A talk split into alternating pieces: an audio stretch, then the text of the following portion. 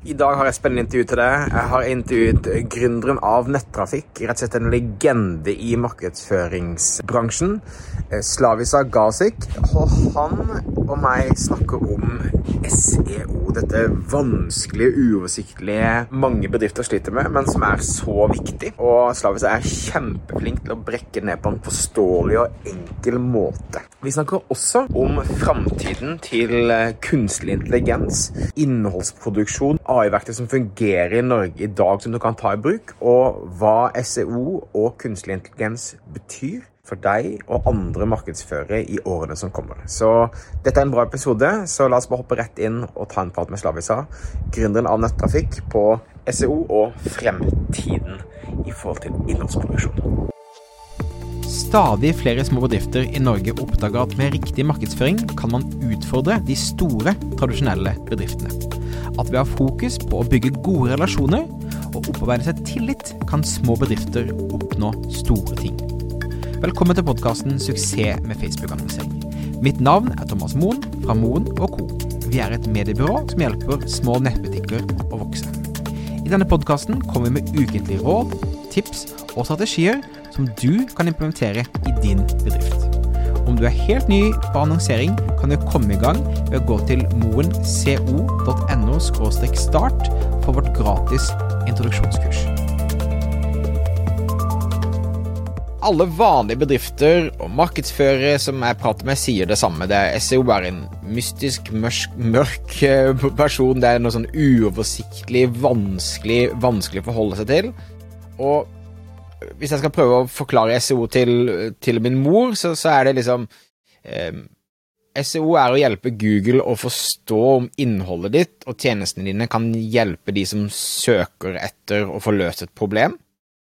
Og, i mitt hode så er det egentlig alltid innhold som er nøkkelen. Det er mange som jukser med å kjøpe seg plasseringer og, og, og sånne ting, men jeg føler i hvert fall at det er mindre og mindre effektivt. Men eh, hvis en bedrift fokuserer på å lage godt innhold som er hjelpsom, er det liksom er det den viktigste essensen av SEO? Eh, hvordan ville du beskrive SEO til en liten bedrift nå i, i 2023? Er jeg helt på jordet, eller, eller er jeg inne på noe i forhold til hvordan man skal se på det? Du er uh, veldig, veldig inne på det. Uh, jeg pleier egentlig å bare oppsummere det i veldig korte trekk. At man skal skrive innholdet og gå litt fra kundefokus til kundens fokus. ok, hva, ut, utdyp, hva, hva, mener du med det? Ja, uh, Det kan være Eksempelvis at noen kaller det for dekklager, mens kunden kaller det for dekkhotell. Eh, det kan være en, eh, at du kaller det for eh, en sjokoladeplate, mens noen kaller det sjokoladekake, osv. Så, videre. så det er mange forskjellige termer. Så det første steget man må gjøre noe innsiktsarbeid på, er hvilket språk uh, jeg ønsker å treffe, og det, som regel så er det kundens språk og ikke ditt eget. Ja, så, så, så, prat som kunden forstår det, ikke så det høres smart ut, men som de forstår hva du sier. Helt riktig. Ok, ja, men det, det tror jeg er et veldig godt utgangspunkt. Kunne du ikke begynt med bare liksom å, å, å forklare litt en sånn klassisk eh, reise på hvordan man begynner å jobbe med, med SEO? da? Hvor begynner man, og hvordan skal liksom man ta dette ned på et så enkelt nivå som mulig? Ja, Det første man bør være bevisst på, er i utgangspunktet er at uh, Google er jo en kode som gjør at de ikke forstår at en sjokoladekake er en sjokoladekake, eller de forstår ikke at uh, du skal ut på reise, at det er ferie. Det er en ren kode som prøver å uh, tolke det du ber om, og prøve å svare best mulig. Så Hvis vi bruker eksempelet som sjokoladekake, så forstår Google at det er en oppskrift du er på utkikk etter. Og det i utgangspunktet som skjer da, er at uh, når du skriver et innhold, så går Google inn på førstesiden sin, første topp ti-treffene der, og så ser den på hvor, hvilket type innhold har de sammenlignet med deg. Du som uh, kunde eller innholdsprodusent eller som skal rangere på eventuelt sjokoladekake, bør da gå inn på førstesiden, og gjerne topp tre. Og så i første omgang så bør man se på strukturen og hierarkiet på, på nettsiden med tanke på H1-overskrifter, H2, H3, 4 etc. hvilke avsnitt som ligger inne. Hva kommuniserer man på nettsiden? Og så etter det prøve å sette sitt eget preg på en unik måte, men besvare på de intensjonene. Hvis du gjør det arbeidet der, så, så har du et veldig godt utgangspunkt for å kunne produsere godt innhold som treffer målgruppen din, og kunne rangere også. For Jeg tror jo bare det med, med struktur, da. Det med å ha H1, H2, H3-overskrifter sånn som du er inne på. I hvert fall mange av mine kunder er nettbutikker, og jeg tror ikke de er så bevisste Altså, de, de gjør kanskje i i, i, teksteditoren så gjør de teksten større for at det skal være mer lesevennlig, men de er nødvendigvis ikke kanskje bevisste på å putte på det på en, en, overskrift nivå to, sånn at eh, Google forstår at det ene er det viktige enn det andre. Så det tror jeg er et veldig viktig poeng mange bør gå gjennom og se om de har gjennomført på en god måte. Så er det viktig at eh, det Google gjør, er at de prøver å, å bli kjent med nettsiden din. Hva du er på utkikk etter, hva du ønsker å kommunisere til målgruppene. Og det er sånn at Hvis du ikke har H1 og har H2, så går det også greit uh, over lang lang tid. fordi den det blir litt sånn som å halte for oss mennesker. Det går greit, du er fortsatt et menneske og det, eh, du fungerer. Og Det er sånn det er med nettsider også. Det viktigste er at du er distinkt over lang lang tid. Og du er konsekvent med måten du skriver på, hvem du skriver til.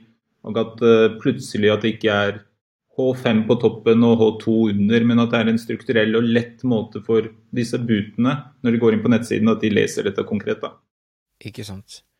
Og jeg kan jo tro at eh, altså, Google er et amerikansk selskap, og de, de, begynner å bli ganske flinke på både, både, språk og ganske smart på det meste, men er det noen store forskjeller på råd man ser der ute, liksom når man snakker om SEO og, og Google på i en amerikansk setting i forhold til det, til det norske? Hva er liksom viktig for oss eh, som bor i Norge og skal nå ut til norske kunder? Hva er det viktigst for oss å tenke på, som kanskje ikke er, som kanskje er motstridende nesten i forhold til hva man snakker om som er best practice i USA f.eks. Ja, for Google har jo gått fra begynnelsen av 2000 så, så begynte de å rangere søkeord, og da var det snakk om i utgangspunktet for det meste eh, kvantitet og ikke kvalitet, hvor mange ganger du gjentok. Så har de gått med algoritmene sine oppdatert fra søkeord til søkefraser, eh, til å skjønne konteksten, og nå skjønner man egentlig hele multimedia-sfæren, som er liksom på tvers av bilder og videoer. Og det viktigste med de siste oppdateringene, så skjønner de språkforskjellene. forskjellene. som vil si at nå etter hvert så vil man også få engelskspråklige, kinesiske over hele verden treff i Norge, som Google prøver å oversette, for de vil gjerne ha det beste treffet for deg, uavhengig hvor du befinner deg. Det, er, det er spennende. Så litt som Amazon, som hvis du søker på min favorittparfyme, så finner den det fra hele verden, og ikke bare fra svenske eller norske nettbutikker. Så begynner Google nå aktivt å lete etter de beste ressursene internasjonalt og, og, og oversette det rett og slett for oss. Helt riktig. Det som også er veldig fint, eller man må ta i, ta i betraktning, er at i Norge så er det godt over 20 millioner søk om dagen. I Tyskland så er det i timen, og i USA så er det i sekundet.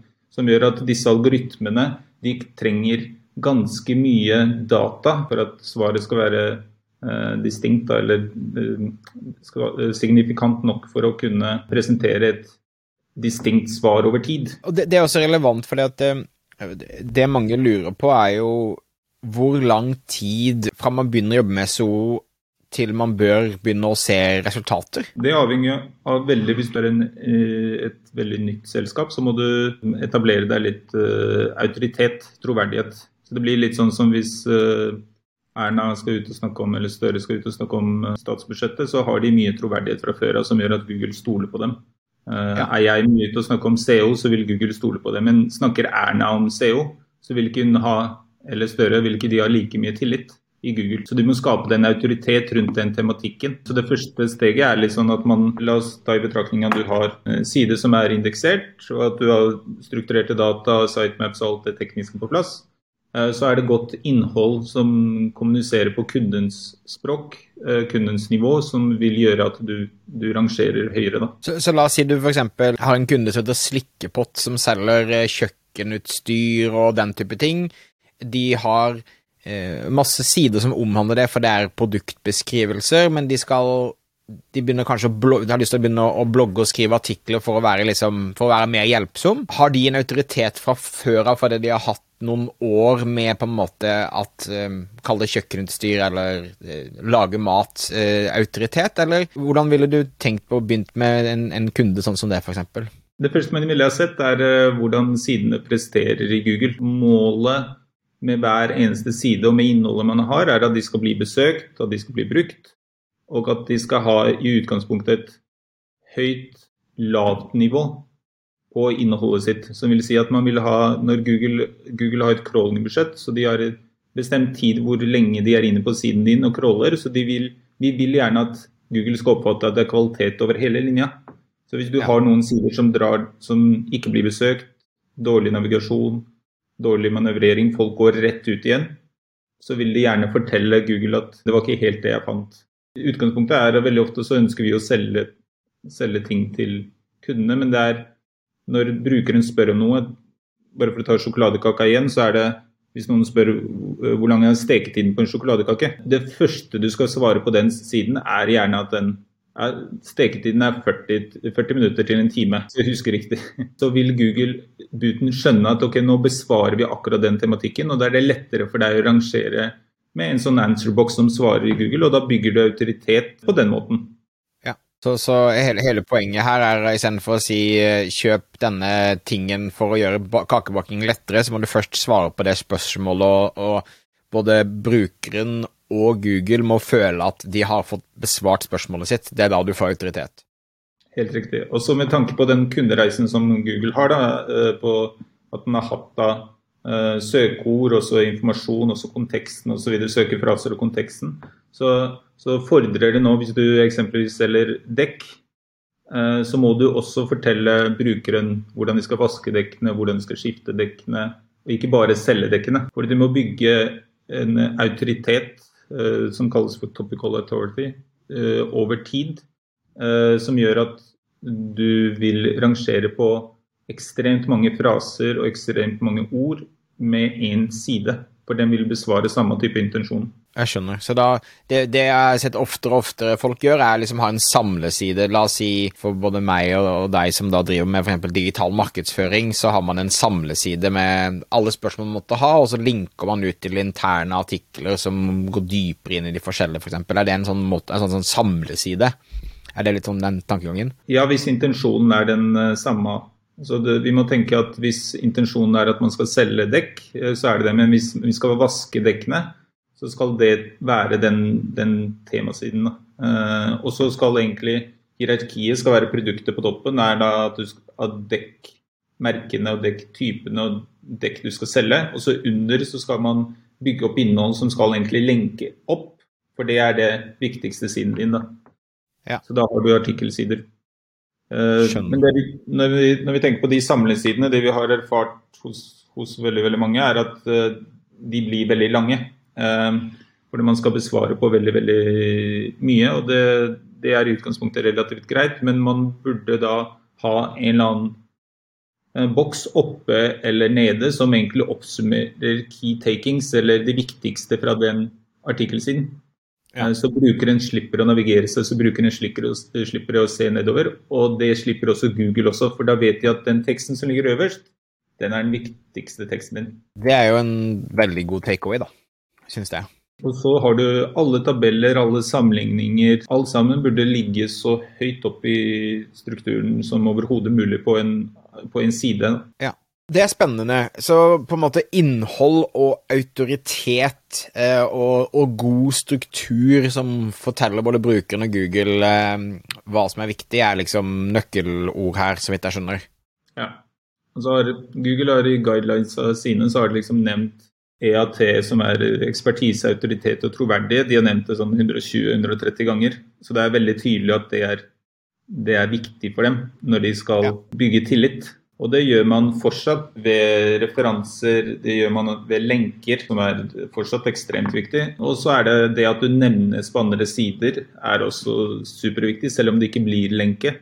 Så vil jo ja. dette maskineriet gjennom Google-butene og maskinlæringen AI, så vil du skjønne at den refererer til slikkbotten. Jeg kom også nå fra en konferanse der de snakket om trender fremover fra et eller annet sånn trendselskap i, i London. og det første de nevner, er jo AI, eller maskinlæring, kunstig intelligens osv. Det har jo vært en veldig hype det siste, de siste året, og jeg, jeg, tror jo at det kommer til å bare eksplodere i, i, i årene som kommer. Men, men hva, er din, hva er din take på på AI-delen i, i, i markedsførings-, innholdsskaping, SEO-verden, og hvordan kan vi allerede nå begynne å ta det i bruk, hvis det, hvis det er relevant å ta i bruk i det hele tatt uh, akkurat nå? For, for AI-delen er det er fortsatt en liten baby, og det er, det er litt som å møte Magnus Carlsen når han var ti år. Du vet at dette, han blir supergod i sjakk. Du vet ikke hvor dette kommer til å ende. Du er ganske, ganske spent på utviklingen. Og det vi, vi bruker i dag mye mye ChatGPT og andre typer AI-verktøy som vil egentlig fortelle oss, når vi tar konkurrentanalyse, så vil den fortelle oss hvordan AI og maskinlæringen ser på uh, konkurrentforskjellene, og hvordan de forstår brands, brandet. Så du kan spørre dem kan du sammenligne disse konkurrentene. Så da får du egentlig et, et, et Google-bilde eller en maskin, maskinbilde som forteller deg hva er egentlig forskjellene? Det hjelper jo deg med å bygge den ene retningen eller den andre med tanke på hvis jeg blir oppfattet som prisgunstig, så kan jeg bruke mye pris i kommunikasjonen min. Hvis jeg blir oppfattet som uh, dyr, men god, så kanskje jeg skal bruke heller det at det er uh, kvalitet over slikkpottene mine. Så, så da bare for å liksom da, da, Sånn som med chat GTP, da, eller GPT, så så kan jeg gjøre en spørring der jeg sier sammenlign slikkepott.no og potteslikk.no mot hverandre, og så vil den på en måte eh, liste ut deres inntrykk av, av, den merkevaren eller den nettsiden? Helt klart. Og så kan man eh, begynne å skrive begynne å spørre den kan du skrive et uh, avsnitt eller kan du skrive en ingress, kan du skrive en artikkel som, uh, som skal uh, fremme fordelene våre. Ja. Og da vil den gi deg skrive en artikkel. Det som er fint, er at du får virkelig mye innhold. Det som er ulempen, er at det er veldig ofte per i dag fortsatt liksom faktafeil. Det kan være gjentagende. Så det, det, man kan bruke det til, og det vi bruker det til i dag, for det meste er litt mer inspirasjon, innsikt. og så setter man sitt eget preg på det, og ser ja. på de, det viktige rundt det. Og så er det lett sånn å produsere annonsetekster, eh, der man gjerne skriver, skriv Google Ads-tekster eller noe lignende. Så får man inspirasjon til eh, tekstene, og så kan man be de skrive det igjen og skrive, eh, si gjør det litt mer morsomt. Gjør det litt mer personlig. Gjør det som Thomas Moen, og så, og så får, du, får, du, det som Thomas Moen. er, det liksom, er det noe dere aktivt nå bruker i arbeidet deres, eller er det mer på sånn leke-eksperimenteringsstadie? Um... Så det, det, som har vært litt morsomt, er at vi har begynt å ta det inn i, i møter når, når, vi snakker om uh, hvilke kampanjer skal vi gjøre. Så sier kundene at uh, dette er de viktigste tingene, og så kommer vi med våre anbefalinger. Og så gjør vi en test egentlig på, i ChatGPT og andre verktøy som sier at sånn ville de ha gjort det. Og så prøver vi å se på hvilken læring kan man ta der. Og hva slags typisk spørring spør du til ChatGTP for å, liksom, for å få en sånn feedback som du gjør det i et, møte? Det kan være, Hvis vi tar det helt overordnet, så kan det være at eh, vi har en snekkerbedrift som skal bruke 20 millioner med mål om å øke omdømmet. Uh, hvordan skal man bruke pengene? wow. Ja, det er Jøss, yes, ja, det, da begynner det å bli skikkelig spennende. Altså, igjen Eh, disse verktøyene gjetter seg bare til hva som er det smarteste valget, men det er jo, som du sier, da, det er jo eh, det er noe man kan ta inn i diskusjonen.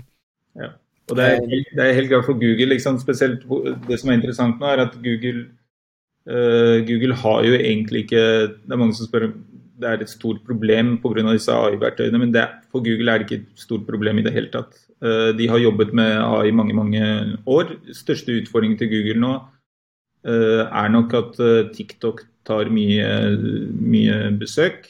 Og der det ødelegger litt av forretningsideen egentlig til Google, med at de tjener penger på at du blir klikket på. Det vil ikke man gjøre man, hvis man skulle presentere resultatene sånn som TikTok gjør. Hvis jeg skal utfordre deg, da altså Du sier nå at du på en måte bruker det i dag i møter, inspirasjon osv. Disse trendwatcherne sa at liksom trend var drafted by AI, så du bruker det som en sånn utgangspunkt å liksom kladde og, og få noen ideer og sånn.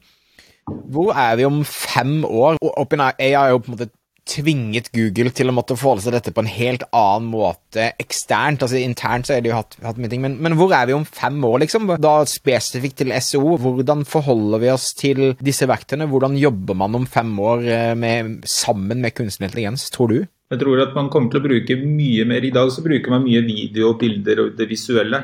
Eh, men man vil bruke AI i ekstremt mye større grad til å pushe ut innhold, til å tilfredsstille brukeren og det vil være på mange forskjellige måter. Jeg tror vi har bare I dag så bruker vi telefonen.